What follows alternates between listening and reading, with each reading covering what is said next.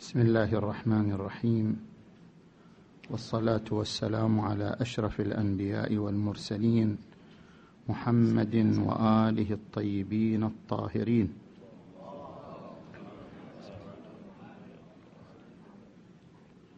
موضوع البحث هو فقه الإصلاح مبانيه وأدواته ومراحله. انطلاقا من مقولة الإمام الحسين عليه السلام إنما خرجت لطلب الإصلاح في أمة جدي. أريد أن آمر بالمعروف وأنهى عن المنكر. وقبل الدخول في البحث هناك مدخل يتضمن ثلاث نقاط. النقطة الأولى في تحديد مفهوم الصلاح والإصلاح الذي يتألف من عناصر ثلاثة.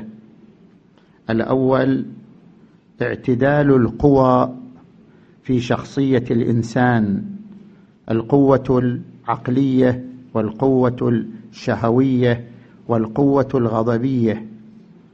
والعنصر الثاني توافق الظاهر والباطن في شخصية الإنسان. والعنصر الثالث استمرار هذا التوافق بحيث يصبح ملكة متميزة في شخصية الإنسان.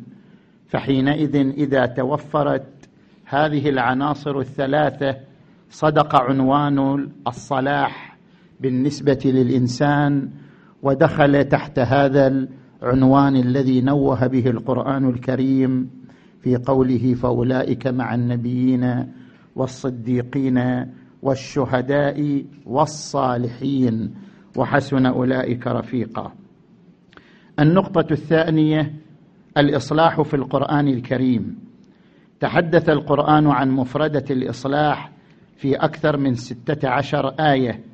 وهو ما يرشدنا إلى أن مشروع الإصلاح مشروع سماوي ارتبط بالأرض منذ نزول أول إنسان عليها ففي حوار الباري تبارك وتعالى مع الملائكة عن دور الخليفة في الأرض تجاه مشروع الإصلاح وتساؤل الملائكة أتجعل فيها من يفسد فيها ويسفك الدماء؟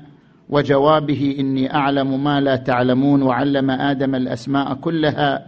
هذا الحوار يبرز لنا أن في القرآن الكريم لمشروع الإصلاح عدة معالم. المعلم الأول العلاقة الجوهرية بين صلاح الأرض وانبثاق الإصلاح عن الحجة المعصوم في الأرض كما في قوله تبارك وتعالى لقد أرسلنا رسلنا بالبينات وأنزلنا معهم الكتاب والميزان ليقوم الناس بالقسط. والمعلم الثاني تنوع الإصلاح إلى الإصلاح العام والإصلاح الخاص والإصلاح الأخص. والمعلم الثالث ارتباط الصلاح الاقتصادي في عدة آيات من القرآن بهذه القوانين السماوية التي وضعها القرآن الكريم لتحديد مسيرة الإصلاح. النقطة الثانية إن فلسفة التشريع انبثقت من الرؤية الإصلاحية في القرآن الكريم حيث إن محور التشريع الفقهي يرتكز على الربط بين صلاح الظاهر والباطن وصلاح الفرد والمجتمع ضمن نظام دقيق يقتضي تحول الصلاح إلى ملكة في الفرد وحضارة للمجتمع. انطلاقا من هذه الفلسفة المتكاملة تنوع الفقه إلى الفقه الفردي والفقه الاجتماعي. فالفقه الفردي ما كان محوره الإنسان من حيث سلوكه أو علاقته بالله أو علاقته بالطبيعة. والفقه الاجتماعي ما كان محوره العلاقة بين طرفين سواء كانت علاقة تكليفية أو علاقة وضعية. وينقسم الفقه الاجتماعي إلى أربعة أقسام. الفقه الولايتي وهو عبارة عما تقوم به السلطة التشريعية المتمثله بالمعصوم أو نائبه من القوانين العامة في حق المجتمع لملء منطقة الفراغ بما يسهم في تحقيق العدالة العامة. الثاني الفقه المعاملي وهو ما كان محوره المعاملة بين شخصين أو جهتين أو شخص وجهة.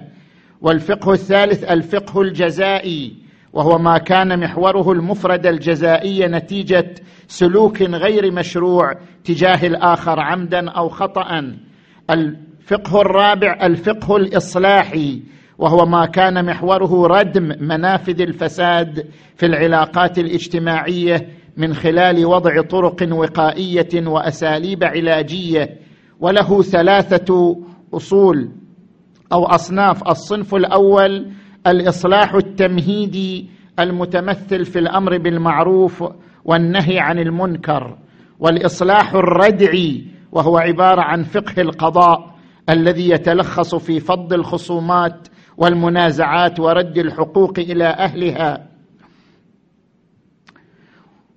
والفقه والفقه الإصلاحي الثالث الفقه الحقوقي بأقسامه المتنوعة. وللفقه الإصلاحي في صنفه الأول وهو الأمر بالمعروف والنهي عن المنكر عدة محاور. المحور الأول في أن وجوب الإصلاح وجوب عقلي أم وجوب شرعي تحدثت عن أدلة الوجوب العقلي كما ذكرها المحقق العراقي قدس سره في شرح التبصرة وتحدثت عن وجوه الوجوب الشرعي أيضا من خلال الأدلة التي تعرض لها الأعلام في كتبهم الفقهية منها قوله تعالى ولتكن منكم أمة يدعون إلى الخير ويأمرون بالمعروف وأن من في هذه الآية هل هي من التبعيضية أو من البيانية؟ والوجه الثاني يا بني أقم الصلاة وأمر بالمعروف وانهى عن المنكر. هل أن سياق هذه الآية سياق الإلزام أم سياق الموعظة؟ والوجه الثالث كنتم خير أمة أخرجت للناس تأمرون بالمعروف وتنهون عن المنكر وتؤمنون بالله. فهل المقارنة بين الأمر بالمعروف والنهي عن المنكر والإيمان بالله تؤكد أهمية الأمر بالمعروف والنهي عن المنكر في كونه فقها إصلاحيا ضروريا؟ الوجه الرابع ما يستفاد من تمام الروايات الواردة عن أهل بيت العصمة صلوات الله عليهم أجمعين وقسمتها إلى طوائف يستفاد من مجموعها هذا الوجوب. المحور الثاني في أن هذا الوجوب عيني أم كفائي وتحدثت عما تعرض له الأعلام من الأدلة في هذا المجال مع مناقشتها.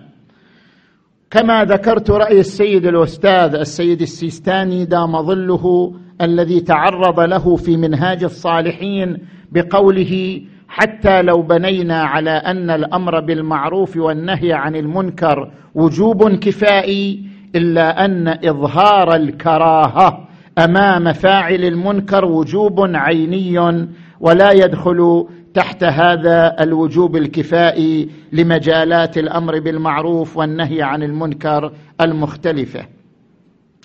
المحور الثالث تحدثت عن مفهوم الامر عن مفهوم المعروف والمنكر. وأن المعروف ما كان حسنا عقلا أو شرعا.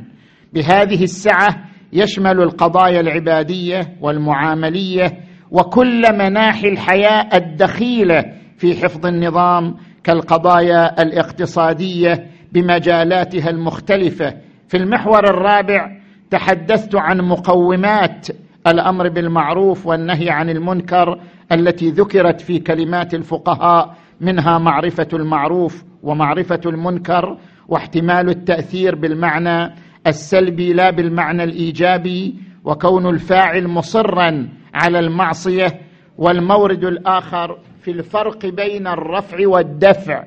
تعرضت هنا للمقارنة بين رأي السيد الإمام الخميني قدس سره وبين رأي سيدنا الخوئي قدس سره حيث ذهب السيد الخميني إلى وجوب الدفع والسيد الخوئي خص الوجوب بالرفع بحيث لا يشمل الدفع. تعرضت للمقارنة بين هذين الرأيين وترجيح أحدهما على الآخر. من شرائط الأمر بالمعروف والنهي عن المنكر عدم ورود ضرر على الآمر والناهي نفسا أو عرضا أو مالا بنحو يعتد به. هنا تعرضت إلى اتجاهات فقهية ثلاثة.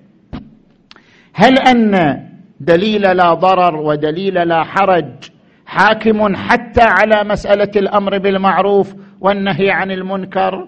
أم أنه يدخل الأمر بالمعروف والنهي عن المنكر مع ترتب الضرر في موارد التزاحم فيلاحظ أهمية أحدهما على الآخر؟ تعرضت أيضا في الشرط الخامس إلى أن يكون الآمر والناهي مؤتمرا بما يأمر ومنتهيا عما ينهى وتعرضت أيضا إلى مراتب الأمر بالمعروف والنهي عن المنكر إلى أن وصلت إلى مرتبة استخدام اليد ومعنى استخدام اليد هو القيام بعملية التغيير وليس استخدام القوة. هنا تعرضت إلى اتجاهات ثلاثة فقهية اتجاه صاحب الجواهر رحمه الله من أن المفهوم والمتبادر من سياق أدلة الأمر بالمعروف والنهي عن المنكر تحقيق المعروف ومحو المنكر. أما الاتجاه الثاني فهو اتجاه السيد سيد المستمسك قدس سره الشريف من أن المنساق من أدلة الأمر بالمعروف والنهي عن المنكر إيجاد الداعي وغرس الزاجر وليس المنساق منها تحقيق المعروف خارجا أو محو المنكر خارجا. والاتجاه الثالث ما ذكره المرحوم الأستاذ السيد السيد تقي القمي في مباني المنهاج من أن المنساق من الأدلة مجرد أن يكون المؤمن امرا أو ناهيا لا أكثر من ذلك. وقارنت بين هذه الاتجاهات الثلاثة بحسب أدلتها. هذا ما أردت بيانه في ملخص البحث بحيث لا أطيل عليكم والبحث موجود ومكتوب بخدمتكم. والحمد لله رب العالمين والصلاة والسلام على محمد وآله الطيبين الطاهرين. اللهم صل على محمد وآل محمد. شكرا لسماحة السيد منير الخباز على هذا العرض المبين حقيقة والموجز والواقع ضمن حدود الوقت. وموضوعة الفقه المقارن أو موضوعة الإصلاح من خلال الفقه هو موضوعة مهمة جدا وتحتاج إلى هذه العناية والدراية من قبل سماحته ولذلك نحن نفتح باب النقاش إن كان هناك سؤالا أو استفسارا أو حوارا مع سماحة السيد فليتفضل من له هذا السؤال أو المفاتشة مشكورا.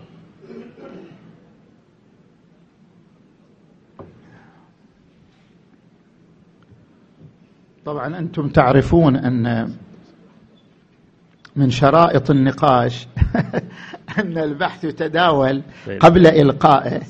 ويكون بيد الحاضرين حتى يسجلوا نقاط مناقشتهم. يعني هذا بالنسبة لبحثي وبحث أيضا سماحة آه، العلامة الشيخ ضياء زين الدين. يعني ينبغي أنه هكذا يعني تكون المقدمة قبل إلقاء البحث. البحث موجود بين أيدي المناقشين والمستمعين حتى يتسنى لهم آه، المناقشة. يعني آه، مضافا إلى ضيق الوقت في الجلسات البحثية. نعم. آه، لعل الغاية هي عرض البحث في موجزه ولذلك نحن وضعنا بين أيدي الحضور حقيقة ملخصات لهذه الأبحاث. لتكون هناك نظرة واضحة لهذه الأبحاث بشكلها العام. وما كانت الملخصات لتكون تقييما للبحث حقيقة لأن هذه الأبحاث دخلت بالقيمة العلمية من خلال حضورها على هذه المنصة. و يعني لعل ما يكون في هذه المفاتشة هو ما يثار من أسئلة تنفع أو تفيد المستمع وتنفع في إقامة أبحاث أخرى تكمل هذا البحث الذي بين أيدينا. فإذا كانت هناك صيغة للاستفسار وصيغة آه، يعني للمناقشة وحقيقة أنا من من بين من أفاد في سماعي لهذا البحث بأن سجلت عنوانا لبحث دار في ذهني لعلي آه، يعني أوفق في كتابته من خلال ما قام به سماحة السيد من عرضه لملخصه.